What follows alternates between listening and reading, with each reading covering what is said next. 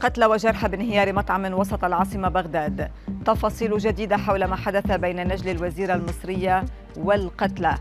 منع مخرج أفلام من المرور على سجادة كان بسبب حذائه. أبرز أخبار الساعات الأربع والعشرين الماضية في دقيقتين على العربية بودكاست.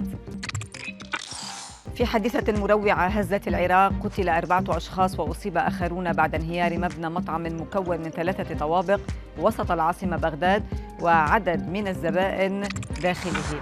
مصادر أمنية قالت لموقع سومريا نيوز المحلي إن فرق الدفاع المدني أنهت مهامها في البحث عن ناجين بعد انتشال كل الجثث من تحت الأنقاض مشيرة إلى أن خبير الأدلة باشر عمله لمعرفة أسباب الحادث فيما أفادت مصادر لقناة العربية بأن تسربا للغاز أدى لانفجار داخل المطعم ما تسبب بانهياره. بعد اعتقاله للاشتباه بتورطه في جريمة قتل بأمريكا كشفت المعلومات الأولية في حادثة نجل الوزيرة المصرية نبيلة مكرم أن الشرطة وصلت إلى مكان الجريمة ووجدت رامي إلى جانب جثتين. وسائل إعلام أوضحت أن الشرطة تلقت اتصالات تفيد بوجود شجار داخل شقة بضواحي كاليفورنيا قبل أن تصل وتجد جثتي الضحيتين ونجل الوزير الذي كان يعاني من إصابة طفيفة. فيما أفادت تقارير أخرى بأن التهم التي يواجهها رامي تتجه كلها إلى إدانته إذ وجهت له اتهامات بالقتل واستخدام أسلحة ومحاولة تضليل السلطات رغم إصابته في المشاجرة التي تسببت في الحادث. بعد اتهام الشركة ببيع بيانات المستخدمين الشخصية قضت محكمة في ولاية كاليفورنيا الأمريكية بتغريم تويتر 150 مليون دولار.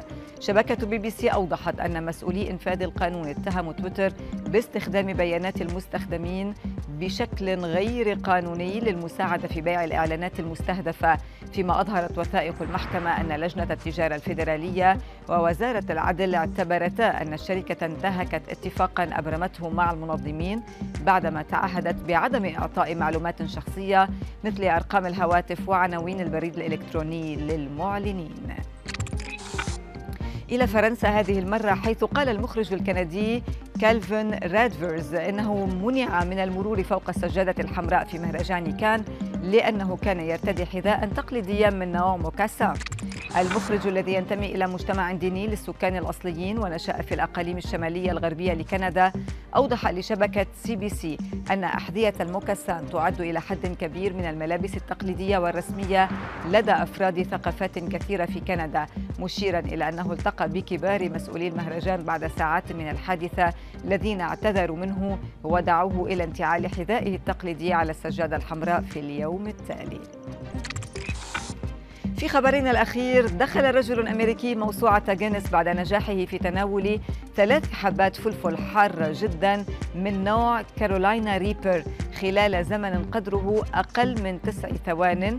الرجل الذي يدعى غريغوري فوستر تمكن من تحطيم الرقم القياسي السابق المسجل باسم الكندي مايك جاك والذي بلغ أقل من عشرة ثوان.